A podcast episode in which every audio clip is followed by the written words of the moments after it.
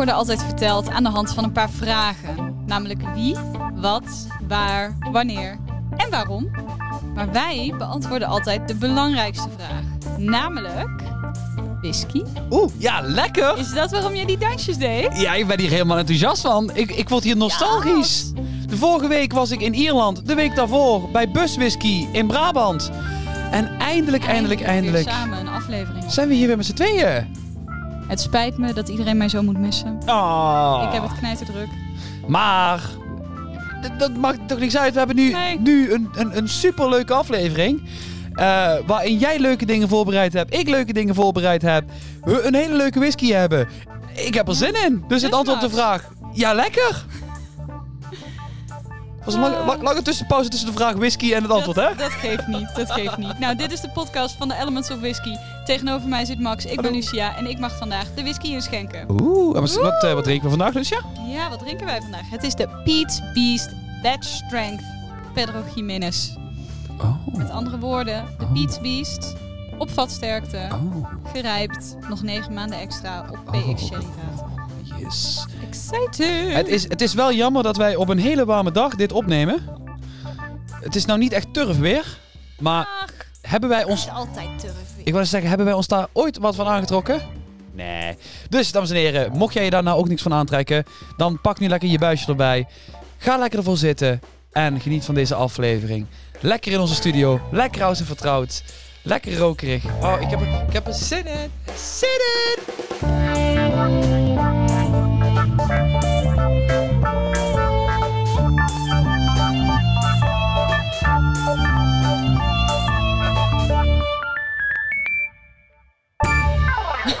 Hehe. daar zijn we dan. Hallo Lucia. Hallo Max. Hoe is het? Ja, ja goed. En met jou? Ja, ik moet zeggen, het is eh, de kraaien vallen, vallen van het dak. Oh mijn god, het is 38 graden. Het is 38 graden. Maar we hebben de ventilator uitgezet, want dan hebben we de beste audio-kwaliteit. En ik heb er nu een Ah. spijt van. Dat klopt, dat klopt. Maar goed, we gaan het niet hebben over het weer. Nee, we Wij gaan zijn- het hebben over whisky. Ja, want wij zijn geen koetjes en kalfjes podcast. Nee, zeker niet. Nee. Wij zijn een, een, een anti-koetjes en ka- Nee, we zijn een, een tegenovergestelde koetjes en kalfjes podcast. We zijn niet anti- anti-koetjes en kalfjes. We houden van koetjes en kalfjes. Ik wil, zeggen, ik wil even zeggen dat er in de productie van alle afleveringen tot dusver geen, enkele koetjes of kalfjes zijn. eh. geharmd. Schaat. Oh, Nee. heerlijk. Maar Lucia, vertel. Wat, eh, wat, wat, ja, je hebt het eigenlijk al verteld. De Beast Beat. Beat, Beat, Beat. Pete's Beast. Beat, Beat. Ik heb niks over de whisky voorbereid. Dat was... eh, dat, dat was Uiteraard. ik moet alweer meteen met de billen bloot, hè? Oh, Maar dit is, Jij eh, doet het zelf. Dat is waar. Je doet het zelf. Jij, eh, maar jij- gelukkig had ik de tijd om iets voor te bereiden. dat scheelt. Mhm. Dus ik, eh, ik ga nu lekker snuffelen, lekker ruiken en Ja. genieten. Terwijl jij mij al het eh, fijne over deze Piet. Maar jij hebt wel iets voorbereid, toch? Ik heb iets. Jij hebt een spelelement voor mij voorbereid. Ja, dames en heren, er komt aan het einde van deze aflevering komt er een spelshow. Ik ga nog niet verklappen wat het is. Ik heb het bedacht. nee, grapje. Ja, nou, ik, Grapje. Ik heb, een, ik heb een concept gepitcht. En Max die zei, nou, misschien is dat wel een beetje veel. En toen heeft hij iets soortgelijks voorbereid. Wat ik nog niet helemaal weet. Dus voor mij is het ook heel erg spannend. het is echt heel flauw. Eh, dus ik, ik, ik, vooral het einde, dames eh, en heren, gaat echt, eh, gaat, als, je, als, je, als je houdt van flauwe humor, Pak je whisky er maar bij. is dit het, is het einde helemaal voor jou. En ben jij voor de interessante feitjes en alles willen weten over de pies, pie, pie- Ja? Ja. ik neem een slokje, misschien gaat het dan beter. Mhm. Eh, maar wil je alles Zal ik, weten, zal ik eh, wil je alles weten over de Piet Beast, dan eh, is dit voor jou. In 2010 werd het merk als eerste merk van Fox Fitzgerald geïntroduceerd. Oké. Dus dat is een relatief nieuw whiskymerk. Mhm. Eh, en de eerste botteling was in 2011. De, die heette de Pete's Beast. Mhm. Punt. 46% alcohol. Oké. En er werden slechts 5000 flessen eh, op de markt gebracht op dat, op de markt gebracht op dat moment. Waar kennen we hem van? Hebben we hem wel eens in de winkel zien staan? Ongetwijfeld. Je hebt een, eh, een fles met een hele bijzondere illustratie van een. Ja. Ja, ja je hebt hem daar staan. Hè? Op de koker staat dat ook. Ja. Een, eh, een, een beast staat erop. Met vaten zo Met- om zich heen Ja, gewikkeld. met vaten tegen zich aan. Ja, Max houdt hem voor de camera. Deze illustratie eh, op het etiket is gemaakt door Doug Alves. Dat is een kunstenaar uit Brazilië. En eh, Fox Fitzgerald is dus een, een relatief jong bedrijf. Wat interessant genoeg zowel als independent bottelaar als als vertegenwoordiger van verschillende merken fungeert. Oké. Dat, dat doen ze allemaal. Ze zijn van alle markten thuis. Het is opgericht door Iman Jones. Dat is een man die al voordat hij hiermee begon al ruim 20 jaar in de drankenindustrie had gewerkt. Voor eh, een aantal kleine merken. Misschien heb je er ooit van gehoord. White Mackay, Mm, mhm. Scottish Newcastle. Ja, Ja, kleine jongens. kleine jongens. Ja, precies. Dus hij heeft wat ervaringen opgedaan met eh, ruim 90 verschillende merken. Oké. Eh, veel kennis opgedaan in de whiskywereld. Veel eh, kennissen gemaakt. Waaronder Gerald Erdrich. Dat is zijn importeur. Wow. Oké, ik heb ineens een slok genomen. Ah, ik ben wakker. Oké, goed zo. Ehm, en ze hebben dus samen deze, deze, deze beast gecreëerd. En in 2013 is ook Aiden Smith aan boord gekomen. Dat is een, eh, een collega van Iman Jones. Die iets langer dan hij 30 jaar lang ervaring in de drankindustrie heeft. Dus Nee, eh, het, het zijn echt wel... eh, ze, ze, ja, ze weten wel van aanpakken. ik heb nu een eerste slok genomen. Ik ben heel. En ik moet eerlijk bekennen, ik, eh, ik wist dat het alcoholpercentage inderdaad 54,1 was. Hmm. Ik weet alleen niet of ik er mentaal op voorbereid was. Wauw. Dit is... Oh, nu komt Lucia. Ga verder. Alsof het niks is ook, hè. Ik was er wel mentaal op voorbereid. Ga verder. Oh, maar hij is wel echt tof. Dit is inderdaad, ja, rokerig is, het, is hij zeker. Ik weet dat er bepaalde varianten zijn waarin eh, benoemd wordt dat het een Isla malt is. Op de, Staat het op de fles? na sommige, sommige expressions van eh, de Pete's Beast. Dus op de, Mhm. ik weet, er zijn Isla malts van hun. Mhm. Het is ook een single malt. Ja. Dus ik ga aannemen, omdat ik ook dat medicinale toontje niet echt erin krijg. Mhm. Ik krijg niet dat jodium typische Ayla kampvuur turfje. Ehm dadelijk meer over turf. Ehm dat krijg ik niet zozeer. Dus ik denk inderdaad dat dit meer richting zo'n Highland peated mold is. Nou, Isla is inderdaad de Schotse regio die het meest bekend staat om Ja? geturfde whiskies. Mhm. Uh, maar ook in de Highlands en de Islands en de Speyside worden rokerige whiskies gemaakt. Mhm. En Pete's Beast zegt letterlijk op hun website dat de whisky mogelijk afkomstig is uit Isla, maar mogelijk ook niet. Dat Nee, is, dus eh, dat weten we niet. Dus jij hebt op het buisje Isla gezet. Ja, maar dat, dat klopt niet. Zo Maar waarschijnlijk. we, maar we weten dus niet of dat waar is of niet. Dat kan ik ook nergens terugvinden. Nee, dat, eh, dat, dat op het buisje dat daarop staat Ayla, dat is niet gebaseerd op waarheid. Maar goed, nee, ik, eh, ik vind het wel leuk. Jij, jij hebt ook de hele range van, van de Pete Beast uitgesorteerd, gezocht. Ja, dat klopt. Wil je daar nu op ingaan of wil je eerst wat verder over de whisky? Oh, ja, dan gaan we dat doen. ja, Sorry. ik bedoel, je had net je slokje genomen. Ja, goed. Het is, laat ik eens zeggen, ik ben een hele grote fan van PX Sherry. Mhm. Punt. Punt. PX Sherry vaten. Punt. eh, en rokerige whiskies.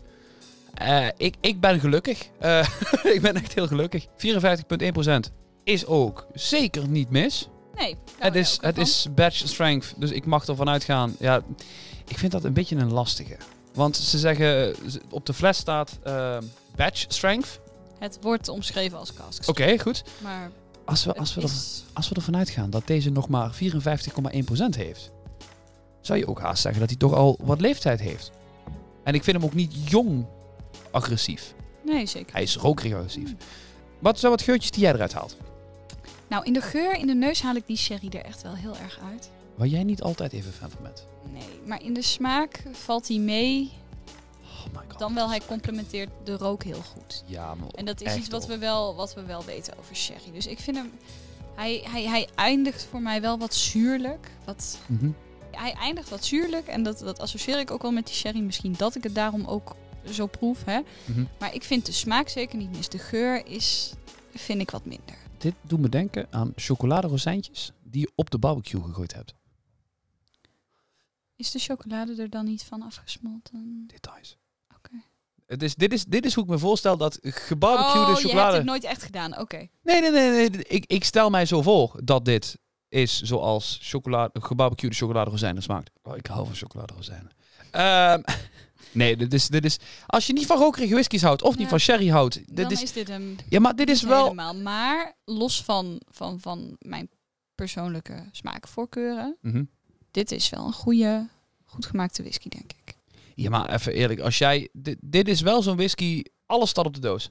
Alles staat op de doos en je weet precies waar je aan toe bent. Ja. Het is, het is een, een zwaar rokerige whisky met, met PX sherryvaten op een hoog alcoholpercentage. Het is precies wat je ervan verwacht. Ja. En dat vind vind ik goed. Ik, ik ben voorstander. Jij houdt ervan. Ja. Heb je nog wat geur- en smaaknotities? Voor de Ehm, ja, wat ik zei, de rokerigheid zou ik meer identificeren als iets, iets, iets granigs. Ja, als wat meer iets- grassig, hè? Iets grassigs Ja. inderdaad. Iets meer wat, wat, wat. Ik wil niet zeggen per se volwassen, want dat, dat, dat is altijd een lastige. Maar ik bedoel daarmee... Je hebt bijvoorbeeld, we hebben een eh, aflevering gemaakt over de Artback 5. Oh ja. Dat was jong, vibrant, agressief. Mhm. En dat heeft deze niet zozeer. Hij is niet dat Nee. agressieve als wat je van een jonge whisky verwacht. Eh, en ja, goed. Dadels, rozijnen, druiven. Al die soorten dingen. Oh my god. Hij is wel fruity. Finish, de eerste keer was ik niet voorbereid op het alcoholpercentage. Hm. Eh, nu wel. En nu ben ik er helemaal blij mee. Ik ben er echt helemaal Nou. happy mee. Goed zo, goed om te horen. hey, de range, daar vroeg je net naar. Ja. Ehm, zij hebben dus hun, hun first bottling, standard, noemen ze hem, op 46% alcohol. Hm. Een single malt whisky, non-chill filtered, niks aan toegevoegd, geen vaapstoffen. Ehm, dan hebben zij hun batch strength. Mhm. Dus dat is die normale rokerige whisky op vatsterkte. En dan hebben ze dus deze, de batch strength, die nog negen maanden gefinished heeft op PX-vaten. En tot slot hebben ze onlangs uitgebracht de 25-year-old Isla Single Malt. Als dat een Isla single malt is, Ja. dan zou dit toch geen Isla single malt zijn? Dat weten we niet, dat vertellen ze ons niet. Oké. Ehm, dat is het lastige eraan. mag, ik, mag ik wel zeggen, ook al vind ik dit een fantastische whisky. Onze eerste aflevering heet Transparantie. Ja. Een klein beetje mis ik hem wel. Ja, Het is wel, en, en, en vooral als ik naar de website ga kijken, eh, en daar gaan we dadelijk waarschijnlijk nog even op terugkomen. Ze doen heel erg leuk om het op een grappige manier hun verhaal te vertellen. Maar op die manier krijg ik wel heel weinig informatie, mhm. voor mijn gevoel. ja. Ze hebben op zich ook wel, hè, en over, over turfwinning en dat soort dingen, hebben ze best wel wat informatie. Maar ja, als puntje bij paaltje komt over de whisky zelf. Niks wat het specifiek Geur, geeft. Of, geur, smaak, finish, kleur. Hmm. Daar houdt het wel op. En dat is, ja, nou ja, en dus dat het negen maanden gefinished heeft op die PX Sherry vaten. En dat is wel, Laten ze ook iets weten over welke PX Sherry? kan ik me niet herinneren. Oké. Ja, dus dat, dat maakt het dan wel weer een beetje jammer, inderdaad. Het is toch wel dat je denkt, oh, ik zou graag net wat meer willen weten. Maar jij hebt ook opgezocht hoeveel die kostte, deze fles? Eh 46,50 op Whisky Base. Oké. Dus zeg even tussen de 45 euro en 50 euro. Voor, voor de, in de slijterij. Mag ik zeggen dat ik voor een cask strength PX Peated whisky dit zeer aangenaam vind? Zeker. Dat vind ik zeker niet veel. Eh, maar goed, jij hebt hier een lijstje staan, zie ik in de, in de notities. Ja. Over The Sorten Beasts. Ja, dat klopt. Ik, eh, als je hun, naar hun website gaat van Ja? Pete's Beast, dan eh, vind je op de homepage een, een, een mooie illustratie van een boek. Ja. En daarin staat de definitie van beast. En dat is superhuman state of being in which you transform into pure awesome. Oké. Hm. Ik, dan, ik voel me nu al als een beast. Ja, nice. Nou, dan hebben zij verschillende soorten beast. Oh, oké. Ze hebben de big beast, de Ja. scary beast, de hairy beast, de sexy beast en de Pete's beast.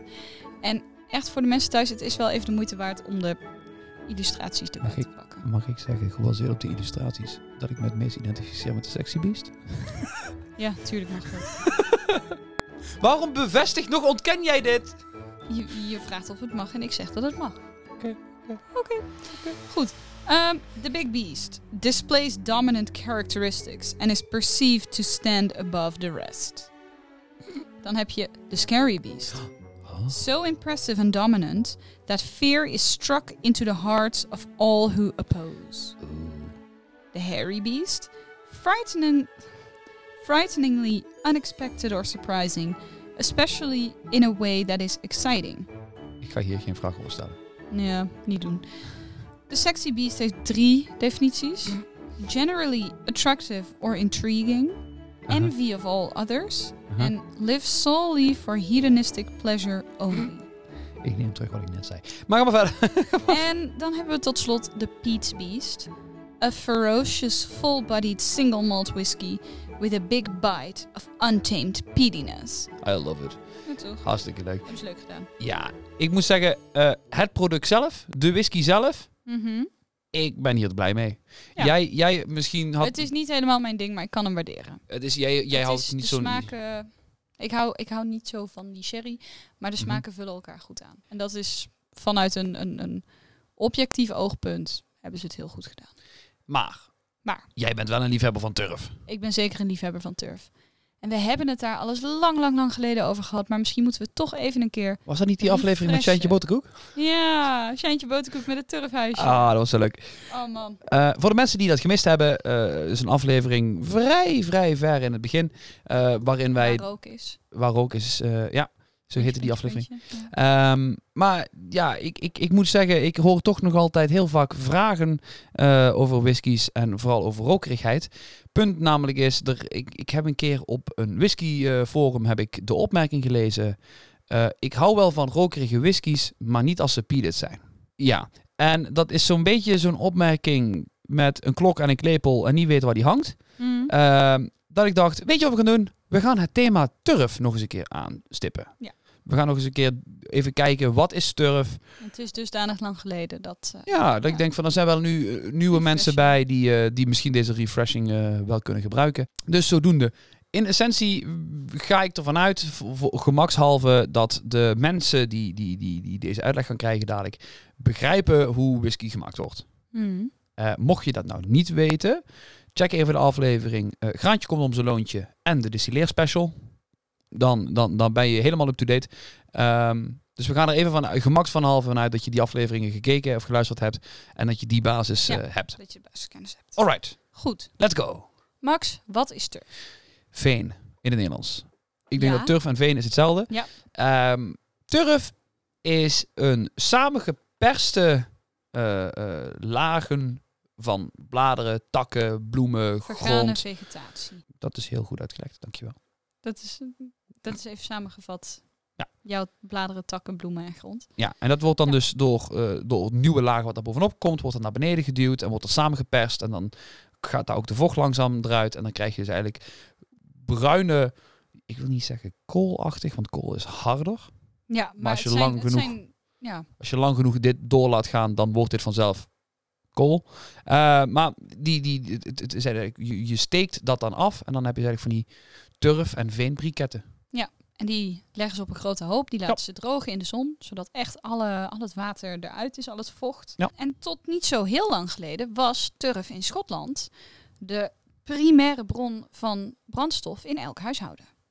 Wist je trouwens dat er nog steeds heel veel pubs zijn die gewoon eh, turf, eh, turfhoutjes, eh, turfvuurtjes stoken? Oh, kijk. Ja, is cozy. En nog Ja. steeds rijkelijk verkrijgbaar. Ja, zeker. zeker.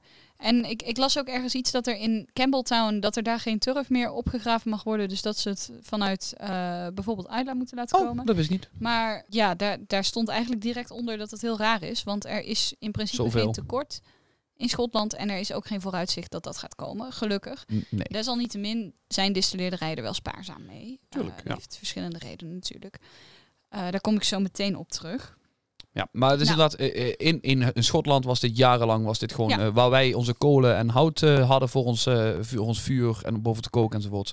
Was turf dat altijd in Schotland. Nou, in Nederland werd ook veel turf gebruikt. Maar daar Ja. komen we straks op. Oh. Ehm, wat is nou de deal met turf? Dat, hè, dat kun je briketten steken, dat kun je drogen en vervolgens kun je het opbranden. Ja. En wat er dan gebeurt, is dat dat dus inderdaad een hele rokerige geur verspreidt. Ja. Vreugger, nog niet zo heel lang geleden, Toen de regenboog zwart-wit was. ja, werd turf eigenlijk door heel veel distilleerderijen gebruikt Mhm. om de granen mee te drogen Mhm. waarvan de whisky werd gemaakt. Want dat is al een belangrijke misvatting. Mhm. Max, wat voor dingen heb je allemaal gehoord? Heel veel. Vertel. Ehm, Enlighten us. eh, misvat, eh, we gaan het nu hebben over turfmisvattingjes. Dus eh redenaties die ik gehoord heb waarom whisky rokerig is. De eerste die ik wel leuk vond om te benoemen was... eh, de ketels worden gestookt boven turf. Nee. Nee, Dan zouden de ketels rokerig zijn, niet de whisky. ik wil even heel kort uitleggen waarom dit... Als je, als je, als je, als je eh, distilleren snapt, dan snap je waarom dit een heel slecht plan is. Ehm, ja, je kunt een ketel verwarmen boven turf. Maar dan is de ketel afgesloten. Dat zou betekenen dat het vuur, nog de rook, geen enkel moment contact maakt met hetgene wat, in die, wat er in die ketel zit. Ja, met je distillaat. Met je distillaat. Dus je, zou, je krijgt geen enkele manier krijg je die dingen. Nogmaals, uitgaande ervan dat je distilleerspecial gekeken hebt, dan weet je dat distilleren betekent het gebruik maken van een ander kookpunt om op die manier een stof te scheiden van een andere stof. In dit of geval- je hebt gehad op school. Je doel is dus bij distilleren is om alcohol te laten verdampen en dat op te laten afkoelen en op te vangen. Stel, je zou dan toch willen zeggen: ik ga stoken boven turfvuur en ik wil dat dat distillaat in contact komt met je vuur. Dan zou je dus de distilleerketel open moeten laten, zodat het vuur in contact kan komen met de opstijgende alcoholdampen. Alcoholdampen. Ja, dat is niet zo'n goed idee. Nee, Niet doen! nee. Don't try that at. Het einde is heel explosief. Laten we het daarop houden. Ja. Eh, dus dat is een misvatting die ik gehoord heb. Mhm. Ehm, er zijn ook mensen die denken dat turf toegevoegd wordt aan whisky. dat mag niet. Je Nee. mag niks toevoegen aan whisky, dan mag je het geen whisky noemen. Nee, dus dat, dat kan niet. Eh, en dan vraag ik me ook af, in welk punt zou jij dan eigenlijk modder in je distillaat Ja, willen stoppen? misschien zo de, het, het, bij het, het mesje van de granen of zo. Ja. Eh, er is één ding wat ik eens een keer gehoord heb, dat soort van klopt. En dat is, dat zijn ook sommige mensen die denken dat wanneer het vat gebrand wordt, dat daar turf bij vrijkomt. Ja, maar dat, En- is, dat is geen turf. Nee, precies. Dat is, dus de vaten worden wel van binnen gebrand. Ja. Maar dat is gewoon 9 of 10 keer gewoon boven gas. Daardoor krijg je geen turfsmaak erin. Er zijn wel degelijk op dit moment producenten die experimenteren met rokerige vaten. Hmm. Bijvoorbeeld de Koerach is daar een voorbeeld van. Koerach is een eh, Ierse whisky waarin ze nieuwe vaten pakken, daar zeewier in stoppen en dat opbranden in het vat, zodat het getur van binnen getoost wordt met Zeewier? zeewier. Ja. Eh, als er trouwens iets is wat jullie leuk vinden, laat het even weten in de reacties. Eh, misschien dat we daar nog eens een keer een afle- aflevering aan kunnen besteden. Maar dat is een optie. En er is, zijn ook bijvoorbeeld dingen zoals de eh Glengarriff series van West Cork. Waarbij ze dus inderdaad met peat smoked casks werken. Dit zijn eigenlijk de twee uitzonderingen die ik ken.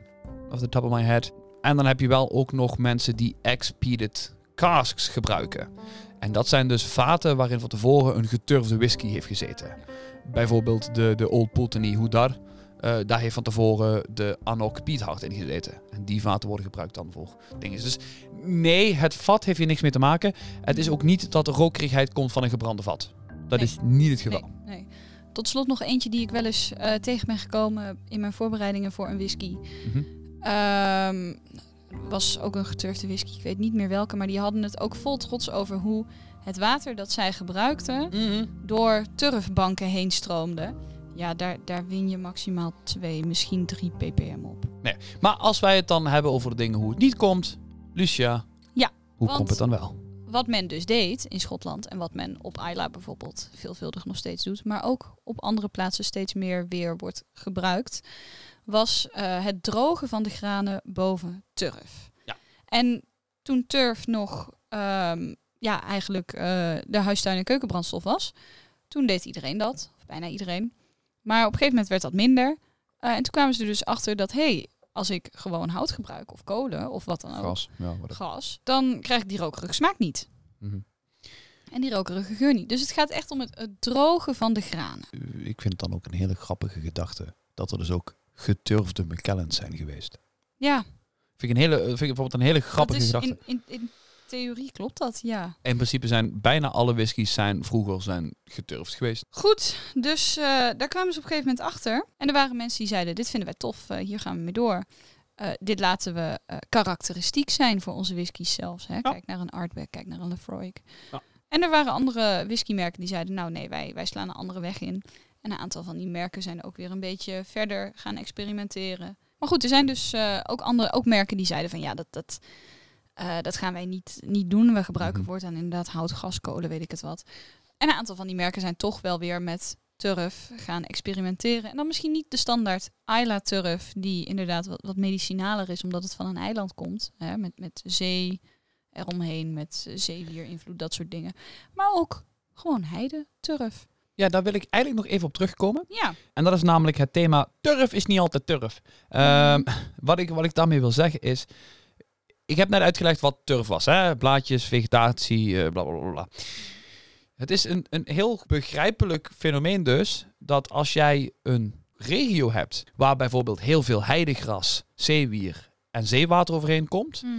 dat die grondsamenstelling en daarmee dus ook die turfsamenstelling compleet anders is dan wanneer ik Dan midden in ergens in een mooi bosje ben waar eigenlijk geen zeewater komt, vers regenwater en, en, en, en water van de berg met bloemetjes en plantjes en bosjes en struikjes. ja precies. Dus dat betekent, als ik ga kijken naar de turf van Ayla, want dat is eigenlijk een van de meest bekende regio's waar turf gebruikt wordt. Ja. Daar wordt heel veel heidegras, heel veel zeewier en heel veel zeewater zit daar in die, in die, die, die mix van, dat, eh, van die vegetatie eigenlijk. En dat is waar eigenlijk dat typische medicinale kampvuur jodium Ja, smaakje Wat vandaan veel komt. mensen associëren met turf.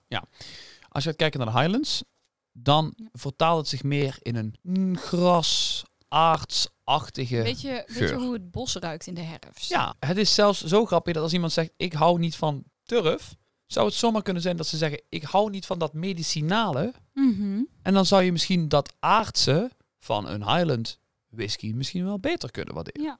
Ja, zoals de, eh de Ben Riach die we een tijdje terug hebben gehad. Ja, Eh, ja de Smoky. Ten. Smoke, eh, smoke Season. Ja, je hebt Ik weet gelijk. niet meer welke het was. Maar het was een lekkere Ben Riach in elk geval, maar heel anders in de rook dan, Zeker.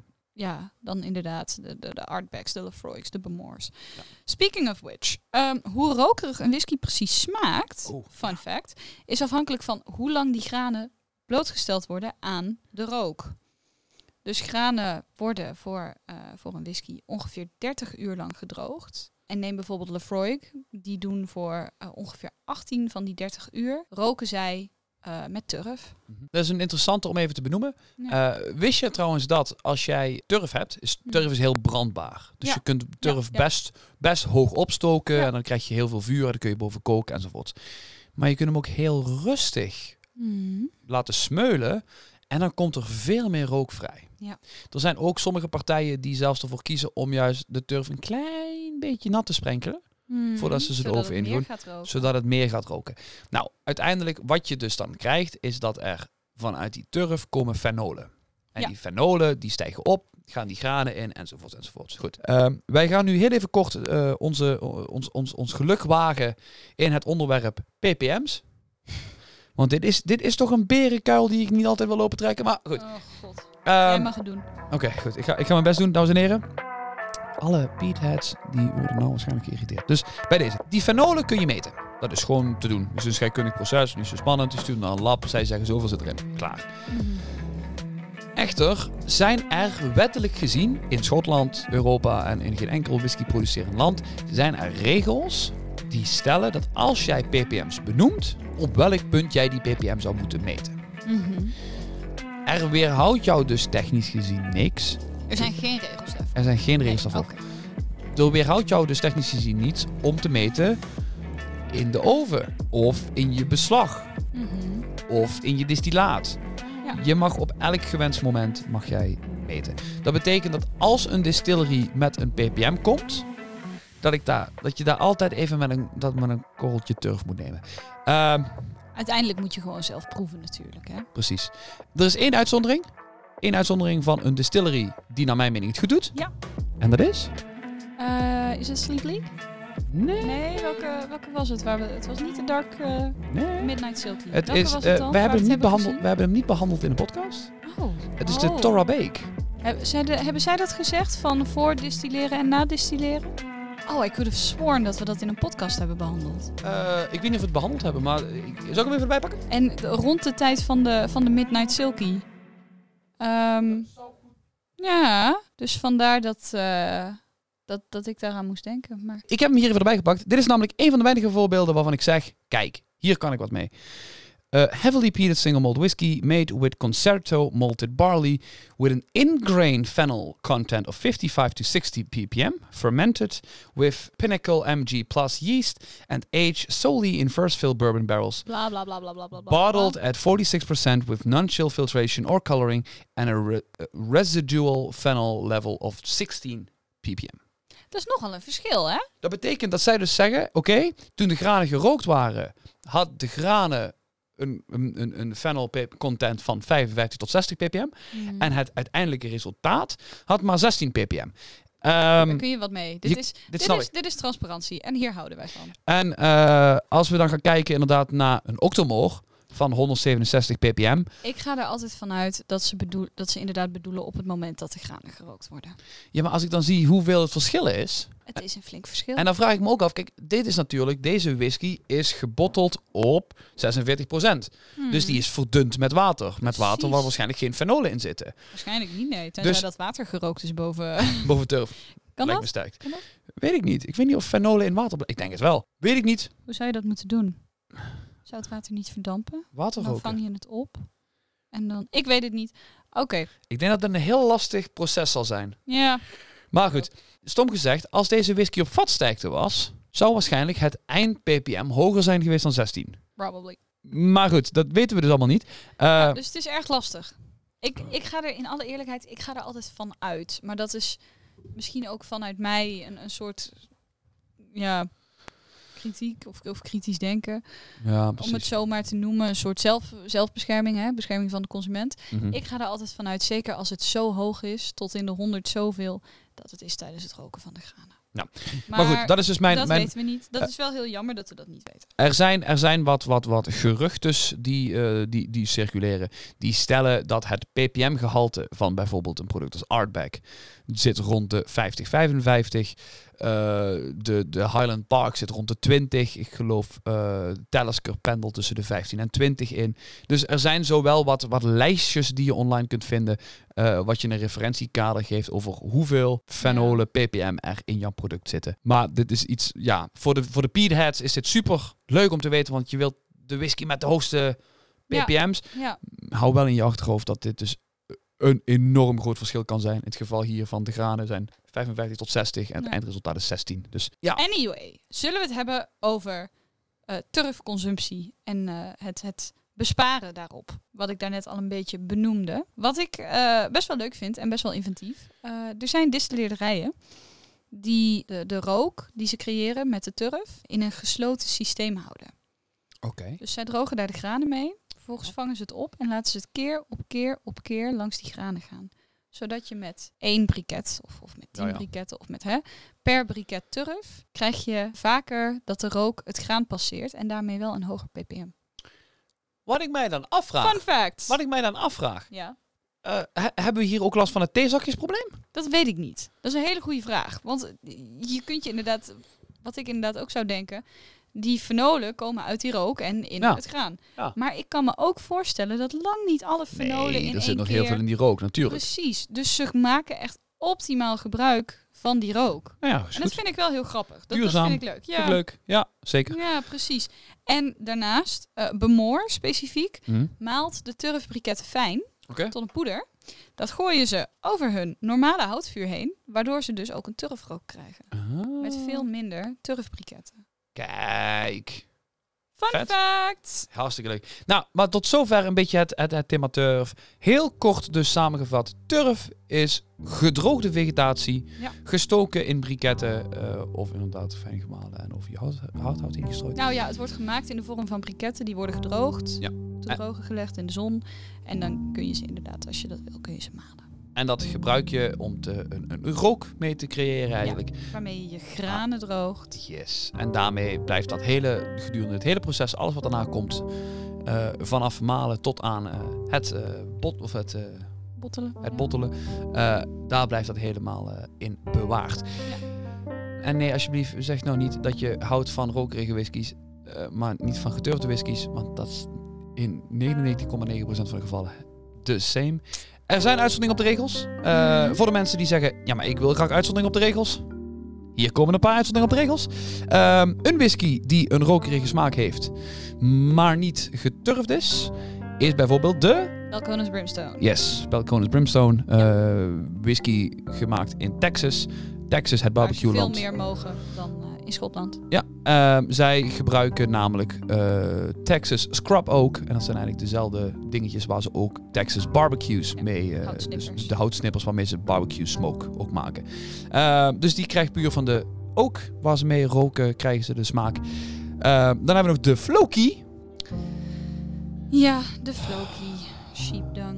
Ja, de, de IJslandse boys van Floki dachten... Hey, Wij mogen op alles roken wat, maar, wat we maar willen. Maar wij gebruiken, wij, wij gebruiken geen turf als brandhout. Wij gebruiken gedroogde schapenstront als brandhout.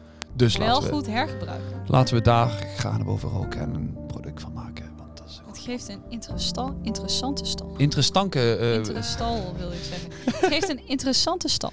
nee, dus dat is nog een optie. Alsof je terug bent op de kinderboerderij als vijfjarige. Ja, eh, en Dat, dat, dat ja. zijn eigenlijk de twee, de twee voorbeelden die ik me zo kan benoemen van Ja. rokerige whiskies die niet geturfd zijn. Eh, maar je mag natuurlijk wel zeggen dat je niet houdt van Isla turf, Ja, omdat je dat medicinaal Zeker, vindt. zeker. Dat kan. Maar schrijf dan niet meteen alles af. Zeker. Probeer eens een keer een, eh, een Highland Peanut Malt. Als het Ja. meest waarschijnlijk. Allegedly. Allegedly. nou, Goed, Jij hebt nog twee Ik heb- turfverhalen? ik heb twee verhalen gerelateerd aan turf voorbereid, omdat ik dacht, ik hou van verhalen. Eentje weet ik zeker dat echt is gebeurd, want hierover heb ik geleerd bij geschiedenis. Dat is een Brabants verhaal. Eh, ook een beetje een, een Nederlands verhaal, maar het speelt zich af in Brabant. En voor jou heb ik ook een Limburgs verhaal erbij gepakt. Wat ik nooit eerder tegen ben gekomen. Ehm, Dus maar- dit, is, dit is ook zo'n zo, zo'n verhaal. Het kan kloppen, maar hoeft niet. ja, ik kan me best voorstellen dat het klopt hoor. Met welke zal ik beginnen? Ehm, nou, laten we afsluiten met het beste. Dus begin maar met de Brabantse. Dat is goed. Het turfschip van Breda. Max weet 4 maart Is dit niet- 19... Is dit maar Oh, even, is, dit niet, is, is het turfschip niet waarmee je bepaalt of je een woord met D, DT of eh, Nee, T schrijft? Nee, nee. nee dat, is, dat is het ex, ex-kofschip. Of het ex-fokschap. Het zelf. Het, het, dus apostrof T. Die moet er wel in, dat is heel belangrijk. Goed, 4 maart 1590. Toen werd Breda tijdens de Nederlandse opstand... voor degene van ons die 25 jaar of ouder zijn... ook wel de 80-jarige oorlog genoemd. Want toen ik op school zat, werd mij ineens halverwege verteld... nou jongens, we noemen dit voortaan niet meer de 80-jarige oorlog. Want? We Waarom? noemen het de Nederlandse opstand. Ja, weet ik veel. Maar goed. ehm, toen werd Breda eh, heringenomen door prins Maurits van Oh. de Spanjaarden. Maurits die, eh, was net een paar jaar aanvoerder van het leger. En eh, het was heel belangrijk voor hem, for some reason, om Breda te veroveren van de Spanjaarden. Breda wilde graag bij de Republiek van de Zeven Verenigde Nederlanden horen. Eh, Den Bosch niet. Die zeiden, wij horen bij Spanje, want wij zijn het katholieke zuiden. Ehm, dat, ja, Brabant en Limburg. Hè. Maar Breda lag daar dus in een, in een beetje een moeilijke positie. Ja, Maurits die, die wilde dat dus heel graag, maar zijn leger was eigenlijk te zwak. En toen kreeg hij ineens hulp uit een hele onverwachte hoek. Namelijk van schipper Adriaan van Bergen, afkomstig uit Leur. En die vervoerde eh, regelmatig turf op zijn schip naar het kasteel van Breda. Waar de Spaanse soldaten gestationeerd stonden. Hm. Nou, meneer schipper van Bergen... ehm, ja? schipper van Bergen. Schepper van Bergen. Eh, die eh, kwam daar zo vaak dat zijn schip eigenlijk nooit meer gecontroleerd werd. Aha. Want die Spanjaarden dachten, hé, hey, daar is hij weer met zijn turf. En dan moet je je even voorstellen, het is eind februari toen ze dit plan bekokstoofden. Het Koud. was koud. Ja, tuurlijk. Het was koud. Dus dan weet je het was oorlog. Ja. Mensen wilden brandstof. Tuurlijk, ja. Dit is, En dan komt Adriaan van Bergen hè, en de- dan de is het stads- probleem De opgelost. stadsmuren van Breda zaten dicht. Ja? Ehm, dus schipper Adriaan was eigenlijk een van de weinige mensen die hen daarvan brandstof voorzag. Ja. Dus hij zei tegen Maurits: Weet je wat? Jullie mogen je verstoppen in mijn schip. Mhm. En eh, dan stoppen we daar in, eh, in het kasteel, waar ik dus uiteindelijk mijn turf aflever. En als een soort paard van Troje zijn daar de soldaten uit het schip. Nee, dit is. Je lacht, maar mensen zien dit als het Nederlandse paard van Troje. Cool. Ja, ik weet het. Nou, Cool. dus Maurits en zijn mannen hebben zich verstopt, werden naar binnen gesmokkeld. En inderdaad, de Spanjaarden in het kasteel werden overrompeld en uitgeschakeld. Hey. Van binnenuit hebben ze de stad heroverd. Ze hebben de stadspoorten opengegooid. En Breda was weer in handen van de Nassau's. Maar niet voor lang, want een paar jaar later werd het weer terugveroverd door Spanje. Maar dit heeft niks te maken met turf, dus dit is niet relevant voor nou. Maar dankzij schipper Adriaan op zijn turfschip heeft Maurits daar wel een overwinning behaald die hem bijzonder geloofwaardig maakt. Schipper Adriaan van Bergen. Uit Leur. Ja. Fantastisch. Ik vind het wel leuk. Ik, ik moet eerlijk bekennen dat dit... Dit is zo'n stukje geschiedenis waarvan ik altijd heb gedacht... Boeiend. Veel te complex. Veel te complex. We kunnen een keer heen volgens mij als je wil. Naar het kasteel. Maar dan wil ik wel erheen gaan in een schip vol turf. Dat kan vast geregeld worden. Nou, Als we vragen of we daar mogen opnemen. volg, volg even onze social media's om te kijken of we met een schip vol turf in Breda komen. Hey! Nou, ik ben nu wel benieuwd. Als dit, als dit het, het, het, het verhaal wat het meest geloofwaardige is, eh, wordt genoemd, dan ben ik heel benieuwd nee, naar het verhaal van Limburg. Dit is het verhaal waarover ik meerdere malen in geschieden, tijdens de geschiedenisles heb gehoord dat het waar is. Oh, oké. Goed. Ehm, het Limburgse verhaal. In Nederweert woonde een zeer brave en godsdienstige, maar bijzonder vergeetachtige man die graag elke zondag naar de kerk ging. Die man die eh, had dus een probleem, Uh-huh. Ehm, namelijk dat, dat hij eh, vaak vergat welke dag het van de week het was. Dit probleem ken ik. Dus hij stond, ja, maar jij gaat niet naar de kerk. Oh ja, sorry. Eh, dus hij stond regelmatig op zaterdag in zijn zondagse pak bij de kerk. Nou is dat niet zo'n punt, hè? Dan, dan, dan zeiden mensen tegen hem, joh man, allemaal goed, kom morgen terug, kump groot. Ehm, helaas had hij ook regelmatig dat hij op maandag pas bij de kerk stond. Oh. Ja. En dan werd hij op zijn vingers getikt, want hij had de mis gemist. Dat kon natuurlijk niet. En hij vond dat persoonlijk natuurlijk ook heel erg, want hij was bang dat hij naar de hel zou gaan. Tuurlijk. Ehm, En aflaten Dus- waren duur in die tijd. ja, zeker. Gelukkig was Limburg katholiek. nou, dus eh, wat had die man bedacht? Hij had eh, thuis een blok met, tenminste meerdere blokken met turf. Ja. eh, want daar, daar stookte hij mee. Mhm. Dus hij heeft zes, zes. Hij heeft zeven houten pinnen gemaakt. Mhm. en die legde hij klaar. Mhm. En die sloeg hij dan in zijn turfbriket. Ja, Daar begon hij op maandag mee. oké. op- bij zonsopgang. Elke zonsopgang sloeg hij er eentje in. En zodra hij de zevende pin met zonsopgang erin sloeg, wist hij, het is zondag. Het is tijd om naar de kerk te gaan. Oké. Ik vind het een leuk en verhaal. volgens zijn medebewoners van Nederweert zou hij dus de eh, eh, moderne kalender hebben uitgevonden. Move over Julius Caesar. Ehm, Eén klein minpuntje wel. Ja? Ja. er zijn natuurlijk altijd wat, wat boze stemmen die mensen graag belachelijk maken.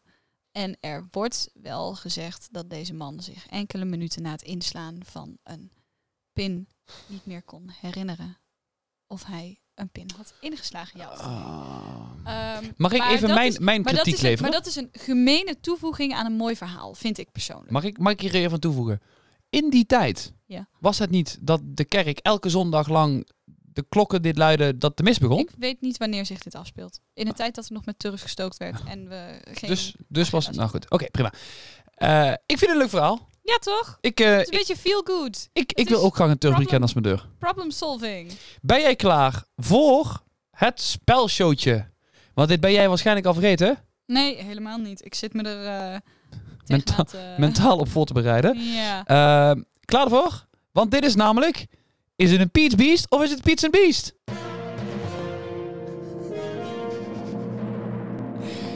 Het maakt niet uit dat ik gedeeltelijk dezelfde titel in gedachten had. nee, dat maakt niet uit. Mag ik niet veel beter. Ik heb vier audiofragmenten voor jou voorbereid.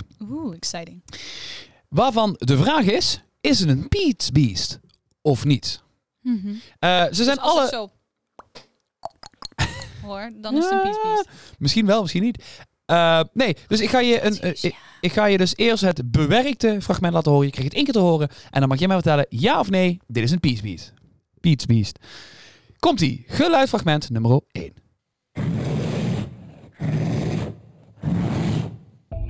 Dus ja, is dit een Peach Beast of niet? Ik vind dat best wel moeilijk, want ik heb nog nooit een Peach Beast gehoord.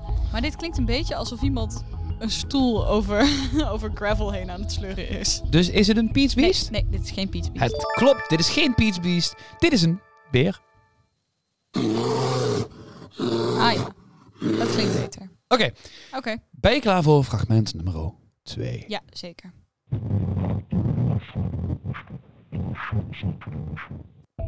Dat is zeker geen Peach Beast. Is dit een Peach Beast? Het is geen Peach Beast? Nee. Oké, hier komt het antwoord. That will remain all the way through the malt whiskey. Ja! Reflected in this. Het is Richard Patterson!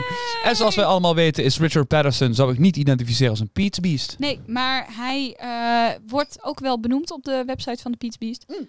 Ehm, dat hij het een, een zeer geslaagde dram vindt. Nou, dan heb ik... Nou goed, eh, ik, heb hem, eh, Mhm. ik heb hem onderverdeeld onder... is, maar hij is geen ferocious, full-bodied, single malt whiskey with a big Nee. bite of untamed peatiness. Nee, dat is waar, dat is waar, dat is waar. Eh, dan gaan we door naar eh geluidsfragment nummer 3. Burp? Oh, oh. Is het een Peach Beast? Eh, nee. Nee. Nou, dames en heren, we gaan luisteren naar het geluidsfragment. Dit is namelijk... Vogeltje! Yes! Nou, en dan gaan we naar geluidsfragment nummer 4 met de vraag... Nou, dan moet dit hem wel zijn, toch? Is dit een beatbeast? Of toch niet?